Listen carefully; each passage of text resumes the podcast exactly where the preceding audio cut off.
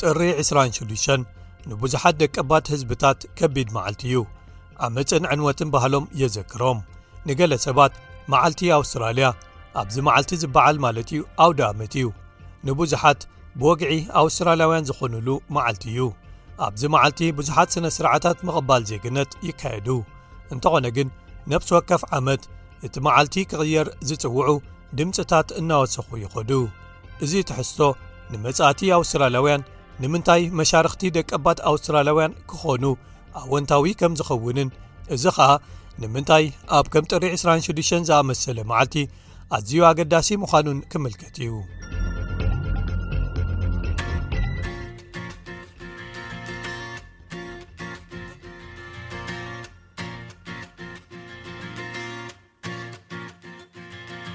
There's a pain in my heart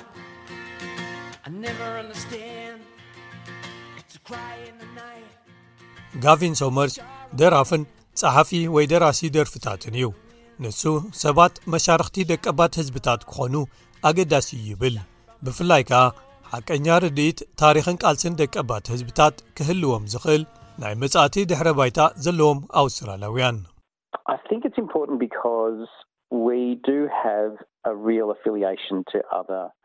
ኣነ እዚ ኣገዳሲ ይመስለኒ ምኽንያቱ ኣብዚ ኣብ ኣውስትራልያ ሓቀኛ ምትእስሳር ምስ ካልኦት ብዙሕነት ዘለዎም ብዝሐ ባህላዊ ጕጅለታት ኣለና ንሶም ብርግጽ ሓቀኛ ርድኢት ኣማጻጽእና ኣለዎም ገለ ርድኢታት ብዛዕባ ቓልስና ታሪኽናን ኣብ ብዙሓት ኣጋጣሚታት ከኣ ምስ ብዝሐ ባህላውያን ጕጅለታት ናይ ሓባር ታሪኽ ኣለና ስለዚ ነዚ ክንብል ዘበገሰና ይርድእዎ እዮም ስለዚ ከም መሻርኽትና ምሳና ክህልው ንዓናን ዕላማታትናን ሓደ ዓብዪ ደግፍ እዩ እንተኾነ ግን ዝኾነ መሻርኽቲ ክህልውና ኣገዳሲ እዩ ምኽንያቱ ኣነ ንዓና ከም ደቀባት ህዝብታት ቀዳሞት ህዝብታት ኣውስትራልያ ምዃንናን ማእከላይ ዝኾነ ቦታ ከም ዘለናን ሰባት ከስተውዕሉሉ ኣለዎም ኢለ ይሓስብ። ኣንጀሊካ ፓኖፓሎስ ከንቲባ ምምሕዳር ከተማ መሪ በክ ኣብ ታሪኽ ኣቦሪጅናልን ህዝብታት ደሴታት መጻውቦ ቶረስን ከምኡ ውን ሓደስቲ መጻእትን ብዙሓት ሓባራዊ ነገራት ትዕዘብ። ኣነ ኣብ ሕመረቱ እዚ ብዛዕባ ሰብኣዊ መሰላት እዩ ብዛዕባ ምድንጋጽ እዩ ከም ህዝብታት ከኣ ነንሕድሕድና ምትሕልላዩ ኢለ ይሓስብ ንብዙሓት ብዝሐ ባህላዊ ድሕረ ባይታ ዘለና ወይ ባዕልኹም ሓደስቲ መጻእቲ ወይ ደቆም እንተ ዄንኩም ንዅላትና ኣብ ታሪኽ ስድራ ቤትና ዝተመንዛዕናሉ ኵነታት ኣለና ኣብ ባሓጐታተይ ድሕሪ ኲናት ሓድሕድ ካብ ግሪኽ ናብ ኣውስትራልያ መጺኦም ቅድሚኦም በደይ ወገን ኣብ ባሓጐታታ ማለት እዩ ካብታ ሽዑ ኤሽያ ማይኖር ተባሂላ ትጽዋዕ ዝነበረት ስደተኛታት ነይሮም ስለዚ መብዛሕትኡ ካብዚ ተመሊስካ ናይ ቤተሰብካ ታሪኽ ምምልካት እዩ ነናሓድሕድና ብዙሕ ናይ ሓባር ወይ ዘመሳስል ነገራት ከም ዘለና ምርኣ እዩ ኣብ መወዳእቱ ኵላትና ኣጋይሽና ኣብዚ ሃገር ህዝብታት ቀዳሞት ማሕበረ ሰባት እዮም ዝውንንዋ ንልዕሊ 6ሳ,00ሕ ዓመታት ገዝኦም ኮይና ጸኒሓ እያ ብዙሓት ማሕበረሰባት ሕጂ ኣውስትራልያ ዓድና ይብልዋ። ቆጸራ ህዝቢ 2021 ከም ዘመልክቶ ልዕሊ ሸውዓተ ሚልዮን ሰባት ኣብ ደገ ወይ ስግር ባሕሪ ተወሊዶም። እዚ ከባቢ ሰላሳ ካብ ሚእቲ ወይ ብልክዕ ዕስራን ሸዓተን ነጥቢ ሰለስተ ካብ ሚእቲ ካብ ህዝቢ ኣውስትራልያ እዩ። ነቶም ዝተወልድሉ ቦታ ዘይተጠቕሱ ሰባት ኣውጺእካ ማለት እዩ። ከምዚ ዓይነት ብዙሕነት ዘለዋ ሃገር ምዃና ብዙሓት ጥቕምታት ኣለዎ። ቫሳን ስሪኒቫሳን ኣባል ቦርድ ማሕበር ጥዕና ኣእምሮ ኣውስትራልያ ወይ ሜንታል ሄልት ፋውንዴሽን ኣውስትራልያን ኣቦ ወንበር ማዕከን ገንዘብ ማሕበረሰብ ኣውስትራልያውያን ህንዲ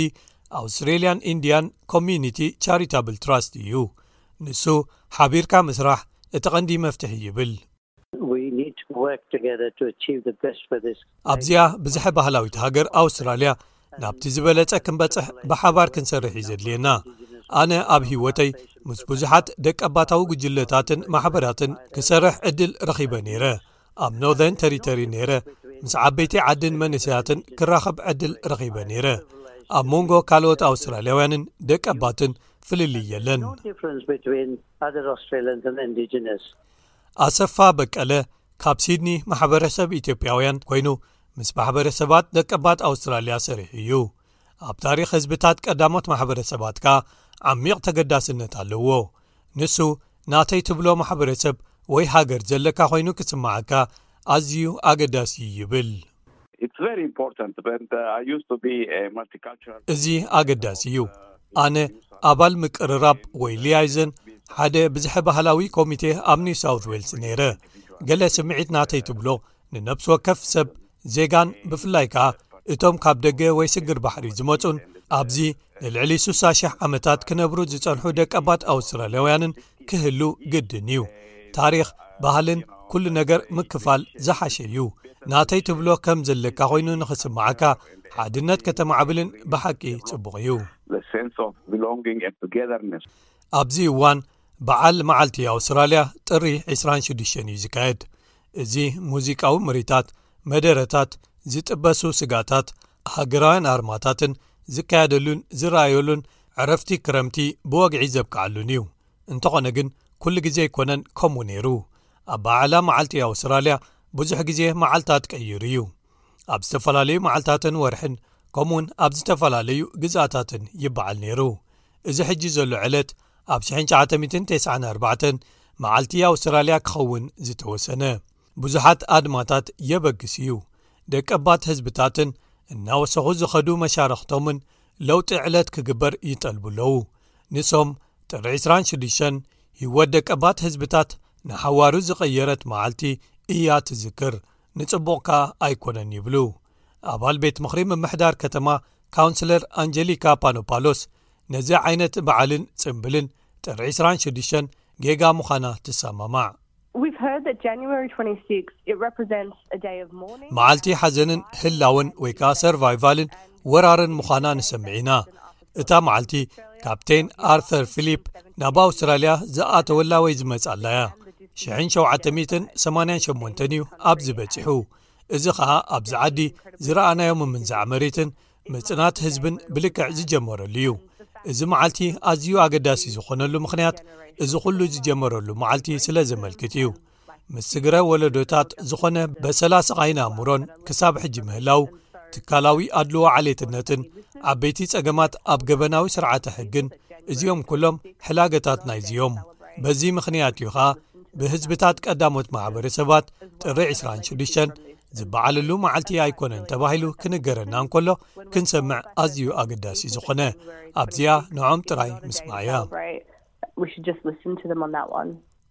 ደቀ ባታዊ ደራፋይን ጸሓፊ ወይ ከኣ ደራሲ ደርፍታትን ጋቪን ሶመርስ ኣገዳስነት ህላወ ሓደ ኣውስትራልያ ከም ሃገርን ኣውስትራልያዊ ምዃንን ነብዕለሉ መዓልቲ ይቕበሎ እዩ እንተኾነ ግን እቲ ዕለት ነብሲ ወከፍ ሰብ ዝቕበሎ ክኸውን ኣለዎ ይብል እዚ ጥሪ ዕስራን ሽዱሽተን ብጣዕሚ ኣገዳሲ እዩ ምኽንያቱ ሓቀኛ መዓልቲ መንነት ኣውስትራልያ ስለ ዝኾነ ንዓና ደቀባታዊ ሕዝብታት ተገራጫዊ መዓልቲ እዩ ምኽንያቱ ኣካል ኣውስትራልያዊ መንነት ምዃንና ከነብዕሎ ንደሊ ኢና ኣብ ውሽጡ ስለ ዘለና ወይ ሕመረቱ ስለ ዝኾና ግን እቲ መዓልቲ ጌጋ እዩ ፈጺሙ ጌጋ እዩ ምስቶም ኣብዚ ዝነብሩ ካልኦት ብዝሐ ባህላዊ ጕጅለታት መሻርኽትና ብምዃን ኰሪዕና ነብዕለሉ መዓልቲ የድልየና ክንሓብርን ኵላትና ኣብ ንሰማምዓሉ ወይ ንቐበሎ መዓልቲ ነዚ ብሓቂ ከነብዕሎ ኣገዳሲ እዩ ክረይግ ሪግኒ ዋና ኣካየዲ kwዋይ ዝተባህለ ኣብ ኦሪጅናል ኮርፖሬሽን መዓስ ይበዓል ዝብል ሕቶ ብዙሕ ግዜ ንኣውስትራልያን ይኸፋፍሎም እዩ ይብል እንተኾነ ግን ንሱ ክሳብ ሕጂ ተስፋ ኣይቆረጸን። ንሕና ከም ሓደ ማሕበረሰብን ከም ሓደ ሃገርን ክንመሃር፣ ክንምህርን ክንሰምዕን ብሓቂ ዕድል ኣለና። ኣካል ናይዚ ማሕበረሰብ ከም ኣካል እዚ ሃገር ኣነ ኣፍልጦ ክንህብ ንንሓድሕድናን ነዛ ኣውስትራልያ ኢልና ንጽውዓ ሃገርን ብኣኽብሮት ከነፍቅር ክንመሃር ኢና ኢለ ይኣምን። ንስኹም ነዚ መዓልቲ ከመይ ተብዕልዎ ብዘየገድስ ብኽብረትኩም ክትርስዕዎ ዘይብልኩም ከም ሓደ ደቀባት ሰብ ከም ሓደ ኣውስትራልያዊ ኣነ እውን እዚ ሃገር ክሳብ ክንደይ ጽብቕትን ምልክዕትን ምዃና ኣፍልጦ ክህብ ይደሊ እየ እቲ ኣበይ ናይ መዓልቲ ነዚ ነብዕሎ ዝብል ሕቶ ብዙሕ ግዜ የጋግየናን ይኸፋፍለናን እዩ ከም ሰባትን ከም ሓደ ሃገርን ከሕብረና ክንዲ ዝግብኦ ኣነ መዓልቲ ኣውስትራልያ ከብዕል ይደሊ እየ ግን ዕለት 26 ጥሪ ኣይኮነን ስለዚ እቲ ዕለት ክልወጥ እንተኾይኑ መን እዩ ዝውስን ምስ ብዙሓት ጉጅለታት ደቀባት ዝሰርሐ ቫሳን ስሪኒ ቫሳን እቲ መጻኢ ምስቶም ዝመፁ ወለዶታት እየ ዝርዮ ይብል ብኣባሃህሉ እቲ ዕለት ክቕየር ኣለዎ ዶ የብሉን ንዝብል ንሶም ክውስኑ ኣለዎም። ናተይ ርእይቶ ነዚ ክምልከቶ እንከለኹን ብዙሕ ክትዕን ሓበሬታን ብዛዕባ ጥሪ ዕስራን ሽዱሽተን እዩ ዝካየድ ዘሎ። ናተይ ርእይቶ እቲ መጻኢ ወለዶ ኣብዚ ድምጺ ክህልዎም ኣለዎ። እቶም ኣብ መንጎ 16ን ሳላሳን ዘለዉ ዝደለይዎ ይምረፁ ንመፃኢ ነዚ ሃገር ክመርሕዋ እዮም ለውጢ ክህሉ ወይ ክግበር ኣለዎ ኢሎም እንተሓሲቦም ኣነ ክድግፍ ዕጉስ እየ